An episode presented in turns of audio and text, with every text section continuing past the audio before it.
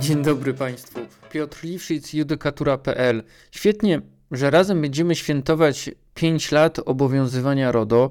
To nie lada, nie lada e, rocznica. W tej gałęzi prawa jest ona o tyle ciekawa, że no, przez 5 lat wydarzyło się u nas bardzo, bardzo wiele. Każda decyzja organu nadzorczego, krajowego czy zagranicznego, e, jest przez nas specjalistów z ochrony danych osobowych oglądana z każdej strony. E, wyroki sądów wojewódzkich, sądów powszechnych, e, trybunałów, czy to sprawiedliwości, czy praw człowieka, są także istotne i są w skali masowej. No, trzeba sobie już to powiedzieć, że ich jest tych orzeczeń coraz, coraz więcej. E, dzięki judykatura.pl, a w szczególności dzięki funkcjonalności Aktualności Plus, nie muszą się Państwo tym przyjmować, bo nasz system wyręcza Państwa w tej mozolnej pracy. E, jest to praca nie tylko czasochłonna, ale y, utrudniona moim zdaniem przez organ nadzorczy, który publikuje w tak e, zanonimizowane decyzje, z których niewiele jesteśmy w stanie wyczytać, ale się staramy. Ale to uwaga, ten przytyk, który proszę Państwa e, wylewa się ze mnie na każdym forum, jakim tylko mogę cokolwiek powiedzieć, czy na LinkedInie, czy na podcastach, czy na stronie internetowej. No, dochodzimy, proszę Państwa, do sytuacji, w której anonimizujemy już, e, no, na przykład sygnaturę orzeczenia CUE. Niech e, za przykład posłuży nam, no to już jest przykład absurdów, ale proszę Państwa, no naszych w ochronie danych osobowych, posłuży nam orzeczenie WSA 2SA WA 162 na 22, gdzie organ nadzorczy, a za nim y, Wojewódzki Sąd Administracyjny, no proszę Państwa, zanonimizował sygnaturę E, sprawy, o której nie trudno się domyśleć z kontekstu, dotyczy oczywiście pana Reinsa i to jest sprawa C212 na 13, ale po co? Proszę państwa, nie jestem w stanie odpowiedzieć na to pytanie, ale odpowiem państwu na kilka innych pytań, przede wszystkim e, jak będziemy świętować w judykaturze 5 lat RODO? No proszę Państwa, tak, iż przygotowałem trzy odcinki podcastowe, Mm, one będą publikowane co środa, zaczynawszy od 24 maja, e, czyli od dzisiaj i przez następne e, dwa tygodnie będziemy publikować odcinki. No i tutaj, proszę Państwa, przygotowując się do tych nagrań, stwierdziłem, że zrobimy. Zrobię 5 lat RODO w orzeczeniach sądów. No i tutaj e, podzieliliśmy. Mm, podzieliłem sądy na e, sądy powszechne. To jest dzisiejszy pierwszy odcinek. Sądy administracyjne to jest e, drugi odcinek, który, proszę Państwa, e, zostanie Państwu e, oddany do słuchania, że tak powiem, 31 e, maja. A trzeci odcinek, który będzie dotyczył orzeczeń Trybunału Sprawiedliwości Unii Europejskiej oraz Europejskiego Trybunału Praw Człowieka ETPC. E e, ten odcinek będzie do Państwa dyspozycji już od 7 czerwca. 5 mm, lat w orzecznictwie RODO to jest, proszę Państwa, temat nie na 3 odcinki, ale na 30. Ale e, no, chciałbym Państwu pokazać to, co moim zdaniem jest najciekawsze, najistotniejsze, a każdy odcinek ten podzielony w taki sposób tematyczny pozwoli Państwu poświęcić czas na ten aspekt, który jest dla państwa najistotniejszy. E, no i cóż mogę powiedzieć? E, wybór orzeczeń, mm, a bardziej e, wniosków z nich płynących zaprezentuje pod każdym z orzeczeń. To świętowanie, które nas czeka, tak jak powiedziałem, rozłożyliśmy na trzy odcinki. Oczywistym, oczywistym jest to, że pełne podsumowanie każdego po, poruszonego przeze mnie orzeczenia, którego będę wskazywał zawsze sygnaturę, są dostępne w wersji mm, edytowalnej na judykatura.pl. E, tak samo w aktualnościach plus mogą Państwo po nagłówkach sobie poszukać e, tych e, orzeczeń, zapoznać się z ich całkowitym brzmieniem, bo jasnym jest, że no, nie chcę tutaj Państwa w żaden sposób usypiać. Nie, nie taki jest cel naszego mm, spotkania. Przechodząc jakby do pierwszego odcinka, czyli do tego, który dzisiaj Państwo dadzą radę, mam nadzieję, ze mną wysłuchać, e, będzie dotyczył, czy dotyczy orzeczeń sądów powszechnych.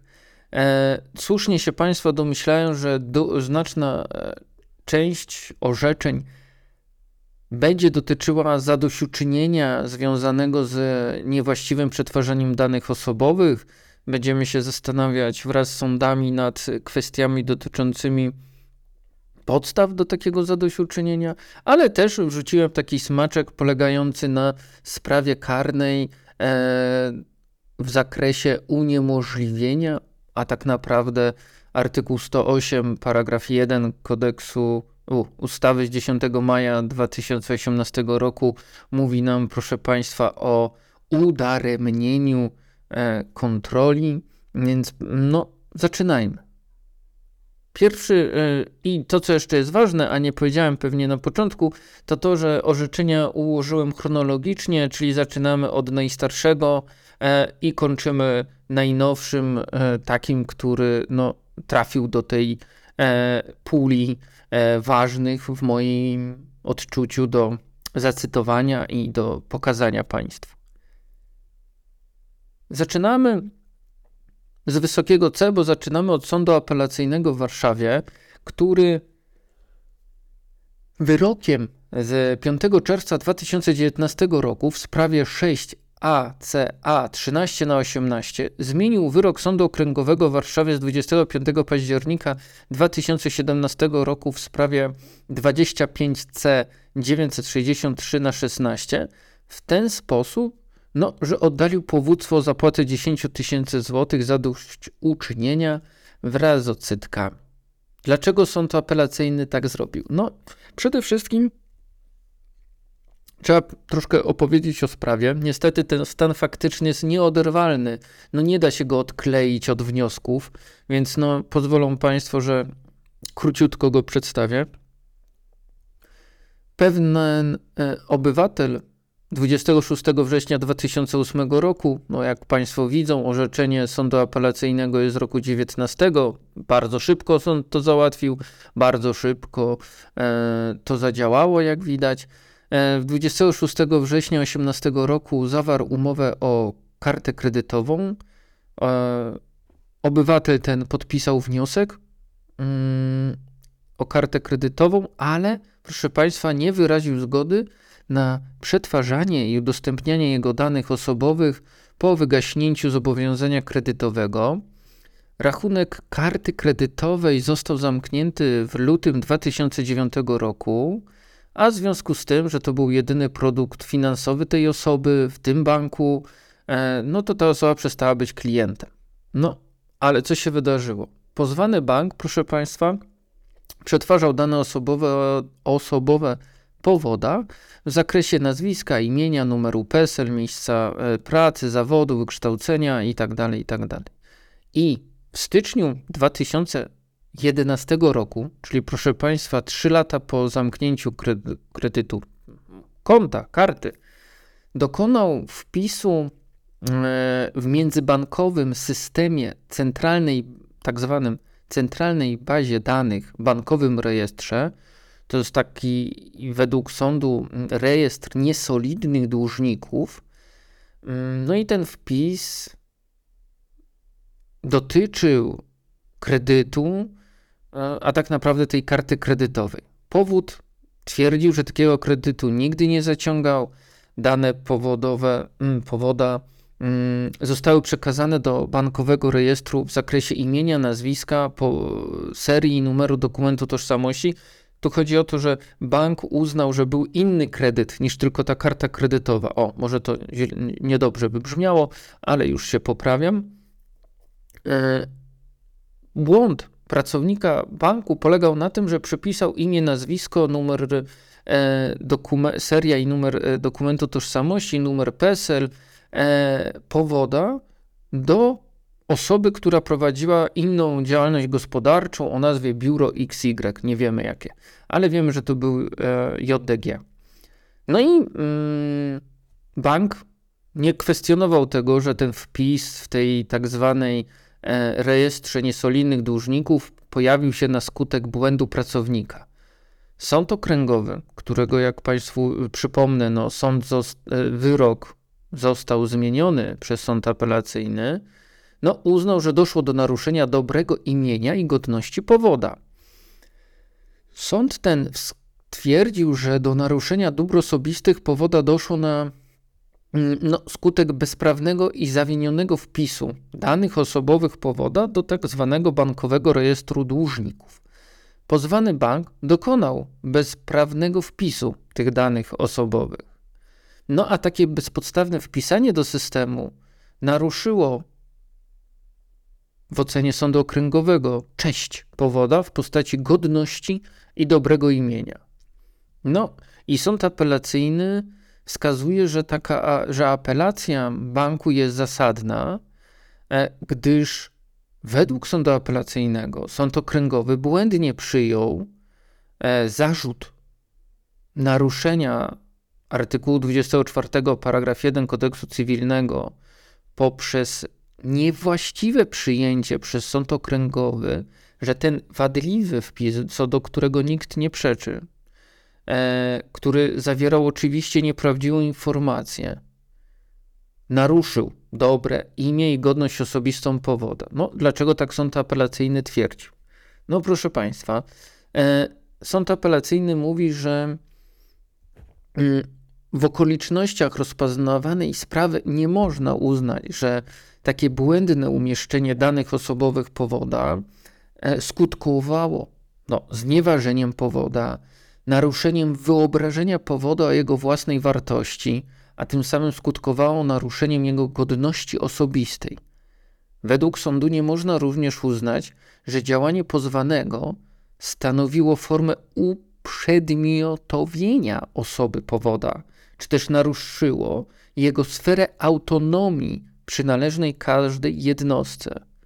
Również według sądu apelacyjnego zawarta w rejestrze nieprawdziwa informacja, obiektywnie rzecz ujmując, nie wywołała takich skutków.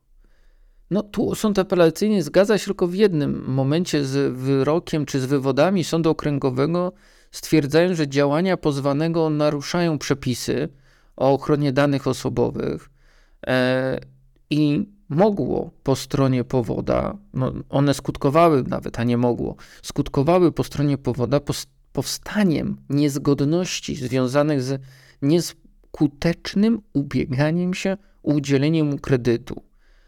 No i takie działania stanowiły źródło powstającego u powoda stresu, napięcia, zdenerwowania czy irytacji. Trafnie jednak wskazano w literaturze według sądu apelacyjnego, że nie każdy, i to jest proszę Państwa wniosek z tego orzeczenia, nie każdy uszczerbek niemajątkowy, cierpienie, stres, niepokój stanowi, proszę Państwa, naruszenie dobra osobistego i w związku z tym podlega kompensacji. I co jest ważne, tu sąd apelacyjny powiedział, dobrostan człowieka, to jest jego dobre samopoczucie, komfort życia, nie jest sam sobie dobrem osobistym.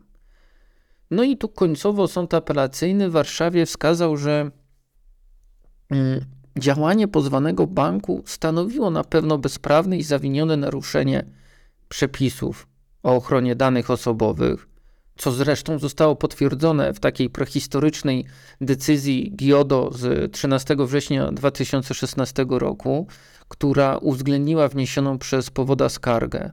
Ale proszę zwrócić uwagę, gdzie w momencie sąd apelacyjny twierdzi, że dane osobowe nie są tożsame z dobrymi dobrami oczywiście, z dobrami osobistymi, powołując się tutaj, czy przytaczając, no oczywiście znane nam e, na pamięć prawie orzeczenie Sądu Najwyższego z 13 grudnia 2018 roku w sygnaturze 1 CSK 690 łamane na 17.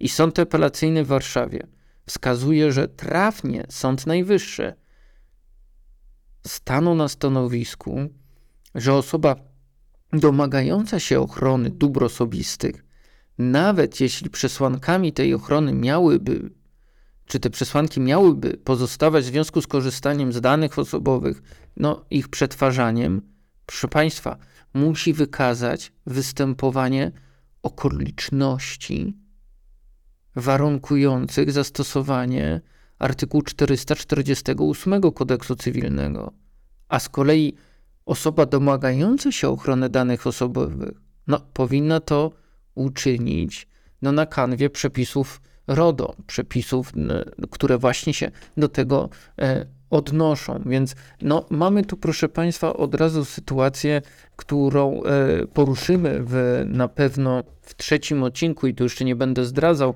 ten ostatni odcinek, który mm, Państwo wysłuchają, mm, jak dobrze pamiętam, tak, 7 czerwca. No to on będzie dotyczył takiego orzeczenia, e, które jest właśnie w bardzo podobnym, no w identycznym stanie E, ale no, dotyczącym, e, dotyczącym wyroku CUE, w którym no, stwierdzono, że nie tylko tak, C300 na 21 mm, i opowiem o nim niedługo, bo też nagrywamy, a Państwo wysłuchają 7 czerwca. No dobrze, przejdźmy do drugiego orzeczenia. Też sąd operacyjny w Warszawie. Mm, cóż mogę poradzić? No tutaj się dzieje dużo. Chociaż to nie tylko Warszawa orzeka, znamy wyroki z Poznania, z Wrocławia, z Gorzowa Wielkopolskiego, ale to, co chcę tu Państwu pokazać, no jest jednak e, istotne i wynika z tych orzeczeń.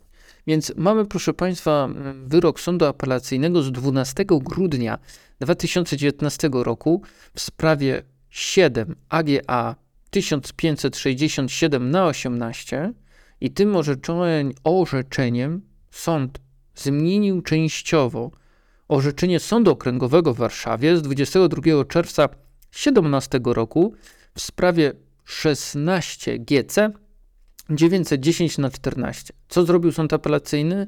No oddalił e, oprócz tej zmiany częściowej orzeczenia oddalił obydwie apelacje.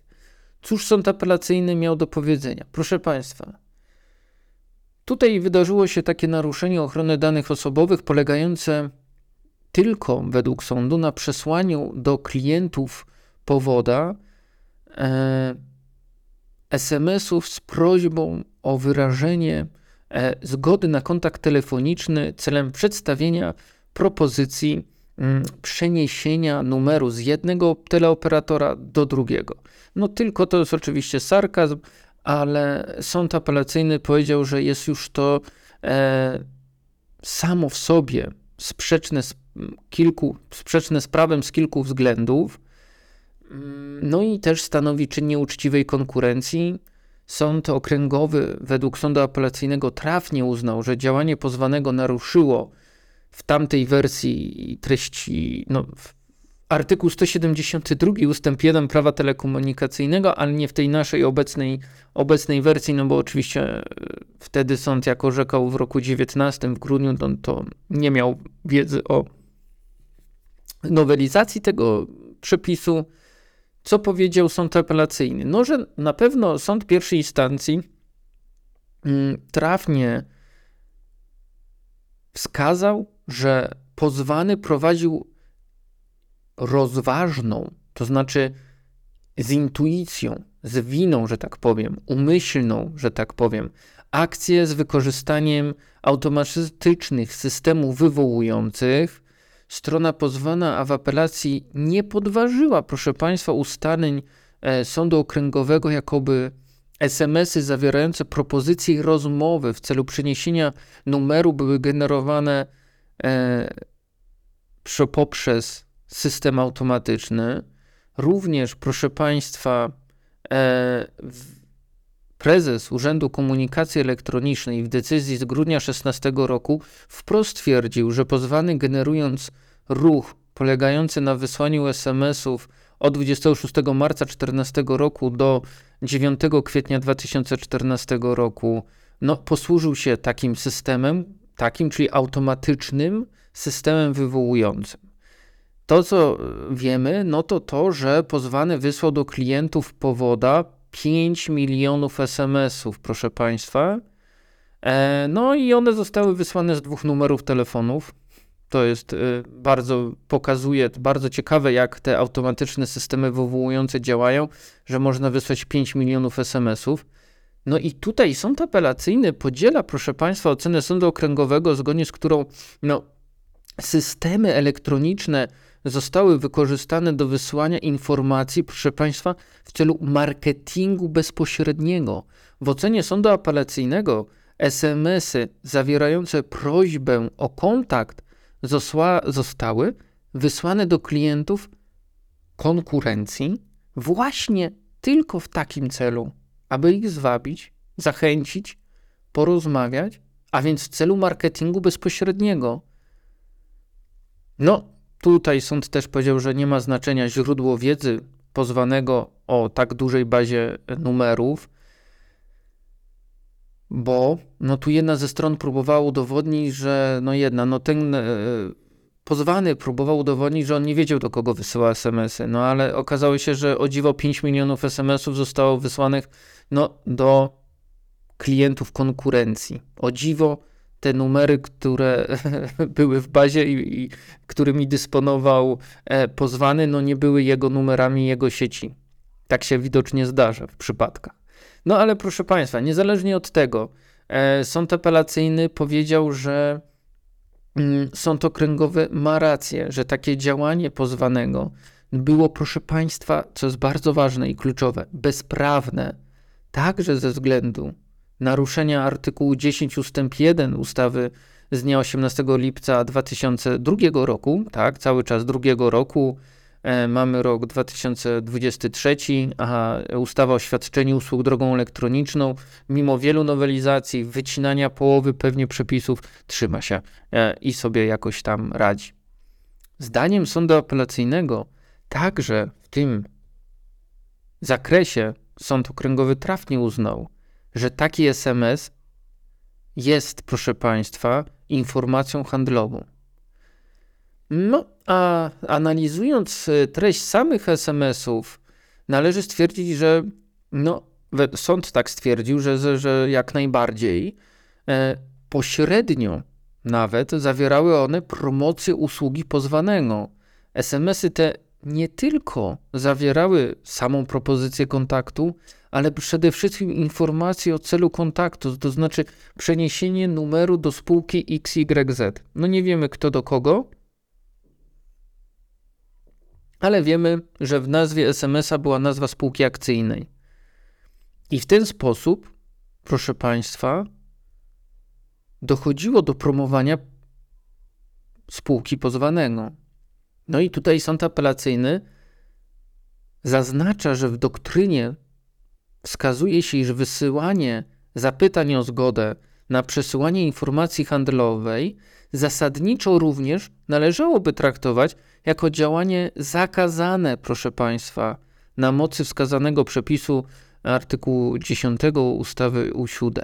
No, w zapytaniu bowiem znajdują się dane stanowiące informację handlową, no i tutaj sąd apelacyjny odsyła do świetnej pracy pana Michała Duwola, Ewy Nowińskiej, do komentarza do ustawy o świadczeniu usług drogą elektroniczną, 2000, mm, Warszawa 2013 rok. I to jest kropka w, mm, w, tym orzeczeniu sądu apelacyjnego, czyli teraz po tej nowelizacji, w której wiemy, że do artykułu 172 z jakiegoś e, powodu nie ma o, o czym mówić, proszę Państwa, no, z jakiegoś powodu dopisano mm, informację handlową, czyli jeszcze bardziej zaciśnięto pętle na podstawie tych e, w zakresie takich akcji. Ja Państwu powiem o na pewno w tym drugim odcinku o bardzo fajnym, fajnym, w zależności dla której strony, no nie tej, która jest e, poddana mm, tym SMS-om, ale fajniej dla tej, która wysyła, bo szanowni państwo, w drugim odcinku pokażę Państwu, opowiem e, o takim orzeczeniu nieda niedawno zapadłym w USA, mm, w Warszawie, w którym sąd uznał, że numer telefonu, wyłącznie sam numer telefonu, nie jest daną osobową. E, uchylono decyzję mm, prezesa UODO. Nie opowiem, jakie argumenty za tym padły, a jest to orzeczenie, które nie mogło się, szanowni państwo, nie znaleźć w serii pięciu lat stosowania, stosowania ROD. No, proszę państwa, trzeci, trzeci, trzecie orzeczenie, które dotyczy sądów powszechnych, to jest, proszę państwa, to orzeczenie karne. Sąd rejonowy dla Warszawy Śródmieście w Warszawie Wyrok jest z 1 marca 2021 roku.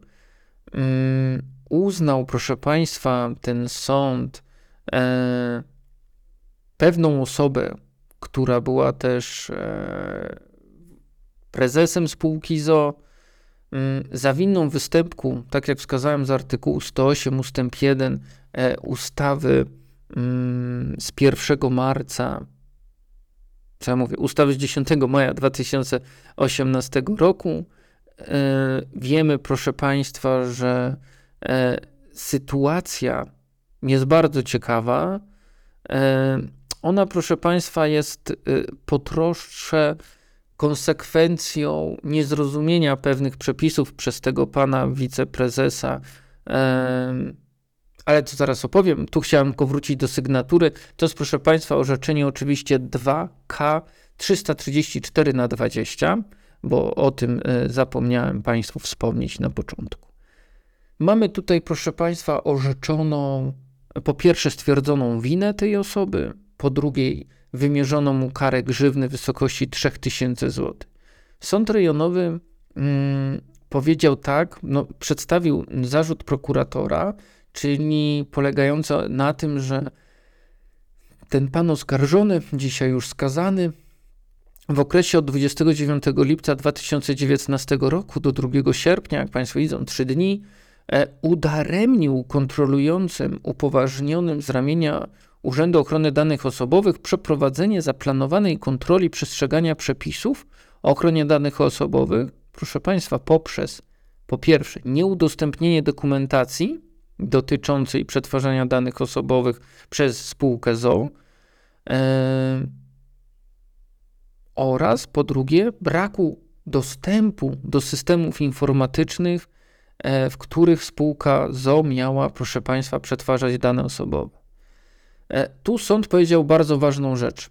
Fakt, proszę Państwa, nałożenia na tą spółkę ZOO, która teraz już jest w likwidacji, reprezentowaną przez oskarżonego w postępowaniu administracyjnym prowadzonym przez UODO i nałożenie na tą spółkę kary pieniężnej nie sprzeciwia się, proszę Państwa, prowadzeniu mm, przez sąd postępowania karnego.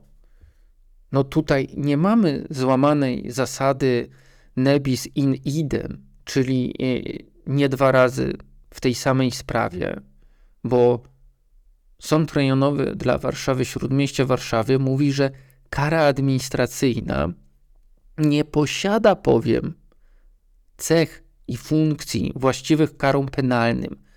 Nie jest, proszę Państwa, formą odpowiedzialności karnej. Nie jest odpłatą za popełniony czyn, a stanowi reakcję na naruszenie obowiązków wynikających z przepisów prawa przez podmiot zarządzany przez oskarżonego. I proszę Państwa,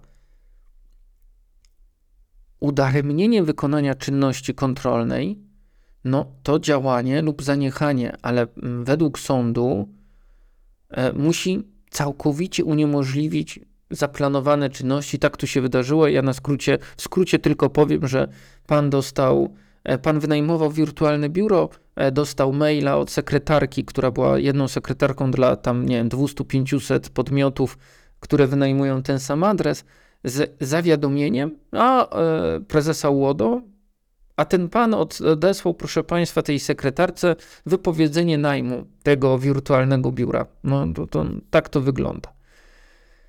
Ale co jest ważne, mm, szanowni państwo, w tym orzeczeniu sądu rejonowego, to to, że według e, sądu e, przestępstwo stypi, stypizowane w artykule 108 ust. 1 może być, czy może zostać e, popełnione wyłącznie umyślnie, a więc jego sprawca musi chcieć jego popełnienia albo przewidywać taką możliwość i się na nią godzić. E, z przeprowadzonych dowodów w postępowaniu karnym wynikało również, że no ten adres biura wirtualnego był ujawniony w KRS-ie. E, na ten adres zostało wysłane pismo, e, bo ta sekretarka, proszę Państwa, zeskanowała to pismo papierowe oczywiście z urzędu, wysłała je mailem, bo tak wszyscy, całą korespondencję miała robić, bo na tym polega biuro wirtualne. No i ten pan za nim, no tak chyba się przestraszył tej kontroli, no że stwierdził, że no wypowie umowę. No i proszę Państwa, sąd powiedział wprost, że nie budzi wątpliwości sądu również fakt, no, że w dniu zaplanowanej kontroli ten pan złamał przepis artykułu 83 ust. 2 ustawy o ochronie danych osobowych z 10 maja 2018 roku, no bo powinien, jeśli nie chciał być sam, bo nikt nie kazał mu przyjść sam, no ale powinien wskazać, proszę Państwa, bo to jest obowiązek pisemnego no, wskazania, wskazam, pisemnego wskazania osoby upoważnionej do reprezentowania go w trakcie takiej kontroli. E, no pytanie tylko takie, czy ten pan miał co pokazać, czy on mógł pokazać dokumentację, no bo jak jej nie miał, to nie miał co pokazać.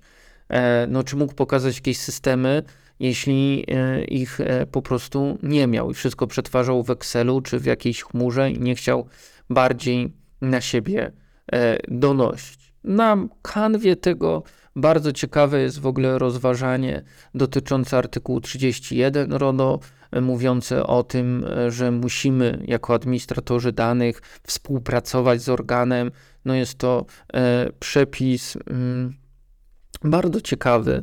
E, no, myślę, że na jego temat e, dużo powstanie prac, no bo zwrócę, zwrócę tu Państwa mm, no, uwagę. Mm, że musimy na siebie donosić. O, może tak to ładnie powiem i przejdziemy do kolejnego orzeczenia. Mamy mm, orzeczenie mm, Sądu Okręgowego e, Warszawa-Praga-Warszawie e, z 17 grudnia 2021 roku. E, no, 1500 zł za dośćuczynienia. To już jest, proszę Państwa, E, no, spora kwota. Jak na polskie warunki, e, trzeba powiedzieć, że jest ona spora. E, to, co jest istotne, no to proszę Państwa, to, że doszło tutaj do pewnego błędu, a już zaraz opowiem. Sygnatura oczywiście to, proszę Państwa, 3C 1169 łamane na 19. No i Sąd Okręgowy Warszawa-Praga w Warszawie w grudniu 2021 roku no, musiał, proszę Państwa, zmierzyć się ze sprawą, w której e, stan faktyczny wygląda następująco. E, no, u pewnego administratora danych doszło do naruszenia danych osobowych e, no, w wyniku ludzkiej pomyłki, wygenerowano plik obejmujący półtora tysiąca danych klientów, przesłano go do jednego z kontrahentów. Znają Państwo na pewno z punktu widzenia UODO tą sprawę. E, tylko jeden klient spółki, proszę Państwa, otrzymał dane innych osób, w tym powódki. Osoba ta poinformowała o tym pozwaną pismem z kwietnia 19 roku. E, nie wskazała ona, aby u niej Dostęp do otrzymanych danych miały inne osoby. Mm, incydent według e, pozwanego miał charakter jednorazowy, przypadkowy. Zdarzenie zostało zgłoszone zgodnie z przepisami RODO do prezesa Urzędu Ochrony Danych Osobowych. Klienci tego administratora zostali poinformowani o skutkach naruszeniach, o hipotetycznych, negatywnych konsekwencjach zdarzenia oraz o środkach bezpieczeństwa, jakie powinni podjąć. No, wykonano e, zalecenia czy konieczność, e, która wynika z artykułu 34 RODO. No i proszę Państwa, powódka tutaj dochodziła zadośćuczynienia e, w związku z bezspornym faktem, tak ona twierdziła, naruszenia przepisów o ochronie danych osobowych. Podstawą roszczenia oprócz artykułu 24 kodeksu cywilnego był artykuł 82 RODO. W odpowiedzi na pozew wskazano, że no, pozwanej nie można, proszę Państwa, przypisać winy, bo do ujawnienia danych osobowych doszło w wyniku ludzkiego błędu. E, pozwana uważała, że e, no,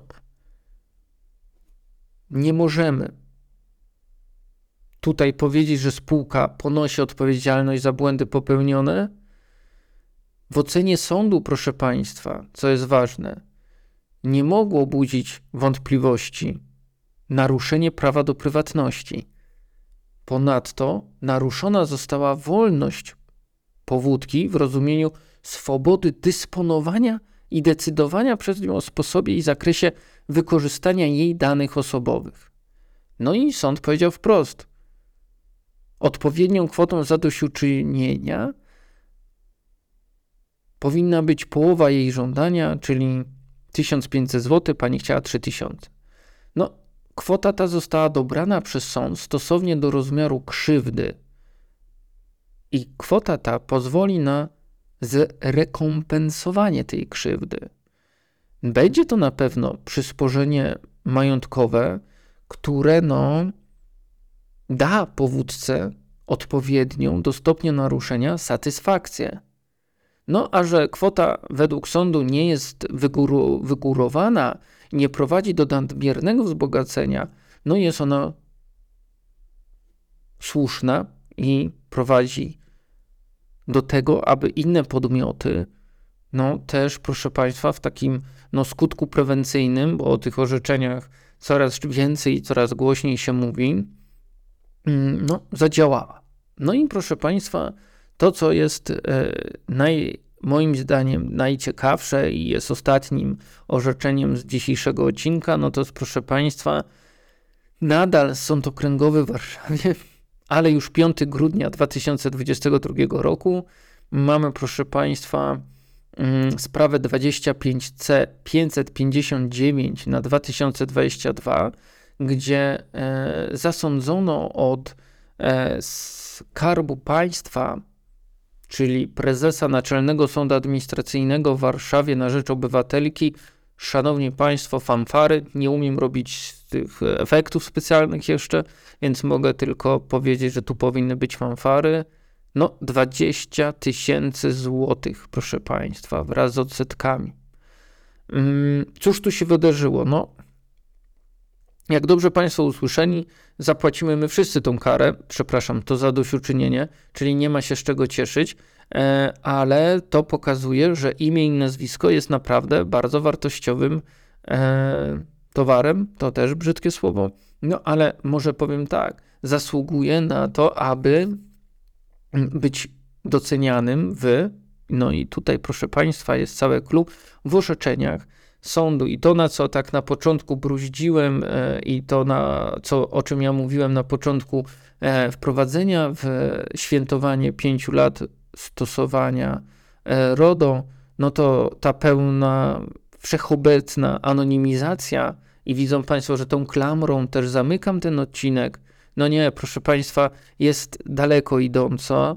Hmm taki strach przed tym, że się za dużo napisze w orzeczeniu, ale no, każdy z nas zajmujący się ochroną danych osobowych widzi różnicę między zostawieniem w orzeczeniu e, imienia i nazwiska, a skasowaniem z orzeczenia daty pod, podjęcia aktu administracyjnego. mm, sygnatury orzeczenia. No jest jakaś kategoria danych, no, która moim zdaniem w ogóle nie powinna podlegać anonimizacji, niestety. No ale co tu się wydarzyło? No proszę Państwa, no, wydarzyło się tak, że pewna osoba e, wniosła przeciwko Skarbowi Państwa, Naczelnemu Sądowi Administracyjnemu pozew. E, stwierdziła, że e, no oczywiście uzasadnieniem prawnym tego, prawnym, no podstawą prawną tego pozwu jest artykuł 23, 24 kodeksu cywilnego, oczywiście artykuł 448 kodeksu cywilnego. Mm, pani w ogóle się nie odniosła do ochrony danych osobowych, w ogóle się nie odniosła do RODO, a proszę zwrócić uwagę, że zajął się tą sprawą sąd okręgowy, mm, mimo że to y, pani wnosiła o 30 tysięcy, a nie e, wie, o większą kwotę. No ale proszę Państwa, wniosła dlatego, że e, od roku 16 mm, od marca 2016 jej imię i nazwisko znajdowało się w centralnej bazie orzeczeń sądów administracyjnych prowadzonej w internecie przez Naczelny Sąd Administracyjny, administracyjny dlatego te imię i nazwisko, które ktoś nie zanonimizował w orzeczeniu, w którym e, pani była osobą skarżącą decyzję ministra sprawiedliwości, no, pojawiły się. Ta pani mm, w dopiero kwietniu 2021 roku, czyli od 16 roku, no 5 lat w internecie były te dane, a ona nie wiedząc o tym w kwietniu 2021 roku postanowiła sprawdzić, co Google e, wie na jej temat. No i wyskoczyła pierwsza strona e, centralnej bazy orzeczeń sądów administracyjnych, potem wyskoczyła e, specjalistyczna wyszukiwarka do orzeczeń cywilnych i w takiej sytuacji no, proszę Państwa, okazało się, że już w trzecim od góry pozycji w tym orzeczeniu widnieje fragment uzasadnienia, no w tym fragmencie uzasadnienia, trzeci wyrys od góry, tak powiem, już miał imię i nazwisko, więc nie trzeba było daleko szukać. No i mm, naruszenie dóbr osobistych powódka wywodziła no, z niezgodnego z prawem upublicznienia jej danych osobowych. Mm, sąd, proszę Państwa, mocno się rozpisywał na temat tego, że nie trzeba w samym pozwie wskazywać y, przepisów RODO, żeby RODO miało zastosowanie. Mm, to, co jest ważne, to sąd powiedział wprost, że e, nie można pominąć regulacji do, e, wskazanych w artykule 82 ust. 1. E, nie można, proszę Państwa, pominąć artykułu 93 ustawy o ochronie danych osobowych e, z 10 maja 18 roku, no bo to jest ten przepis, który wskazuje mm, i no, tak naprawdę odsyła w zakresie nieuregulowanym w RODO do przepisów kodeksu cywilnego. E, sąd ten nadal odnosił się, proszę Państwa, do tego, że no podkreślił, że, że nie można, proszę Państwa, utożsamiać danych osobowych zawsze z dobrymi, dobrami osobistymi, chociaż dane osobowe pewne rodzaje, znaczy można wskazać, że pewne działania na danych osobowych mogą naruszać dobra osobiste, tożsamość, prywatność. No i na pewno zostały te dobra objęte ochroną e, bezpośrednio wynikającą z przepisów RODO. Sąd tu okręgowy powiedział, że e, pozwany, gdyby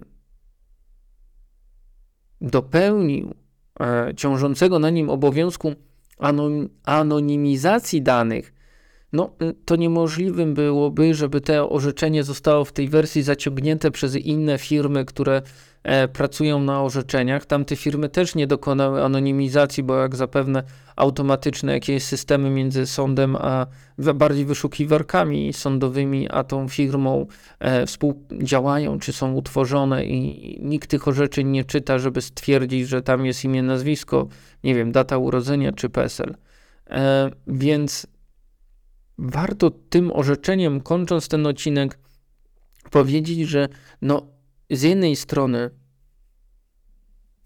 narzekanie na tą wszechobecną anonimizację jest moim zdaniem uzasadnione, a z drugiej strony widzimy, że teraz urzędy, sądy, e, organy no, zamkną się jeszcze bardziej w kokonie anonimizacji, no bo będą mówiły, że no proszę zobaczyć, no to jest 20 tysięcy złotych e, kary. No oczywiście e, sąd apelacyjny pewnie nas tu też e, ugości na wokandzie i na pewno e, Skarb Państwa, czyli prezes e, Naczelnego Sądu Administracyjnego, no nie odpuści, mówiąc kolokwialnie, te możliwości mm, sprawdzenia, czy ten wyrok jest prawidłowy, czy nie.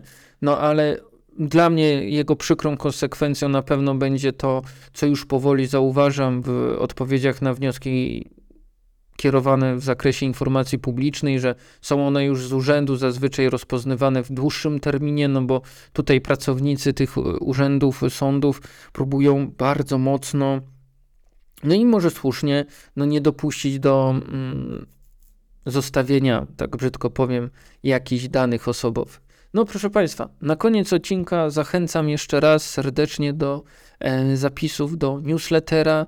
Wystarczy wejść na stronę indykatura.pl łamane takim ukośnikiem na newsletter. E, dzięki temu będą Państwo na bieżąco z orzeczeniami, takimi jak dzisiaj zaprezentowałem. E, będą Państwo mieli cotygodniowe, piątkowe podsumowanie w prostych, jasnych, przejrzystych kropkach, jaki jest orzeczenie, dlaczego? E, i jaka jest jego konsekwencja dla nas, administratorów danych osobowych, inspektorów ochrony danych? E, ja bardzo Państwu serdecznie dziękuję za ten odcinek. No, i zapraszam do odsłuchania już niedługo, e, czyli 31 maja drugiego odcinka. e, tej serii, a 7 czerwca do odsłuchania trzeciego odcinka tej serii. Jeszcze raz bardzo Państwu dziękuję.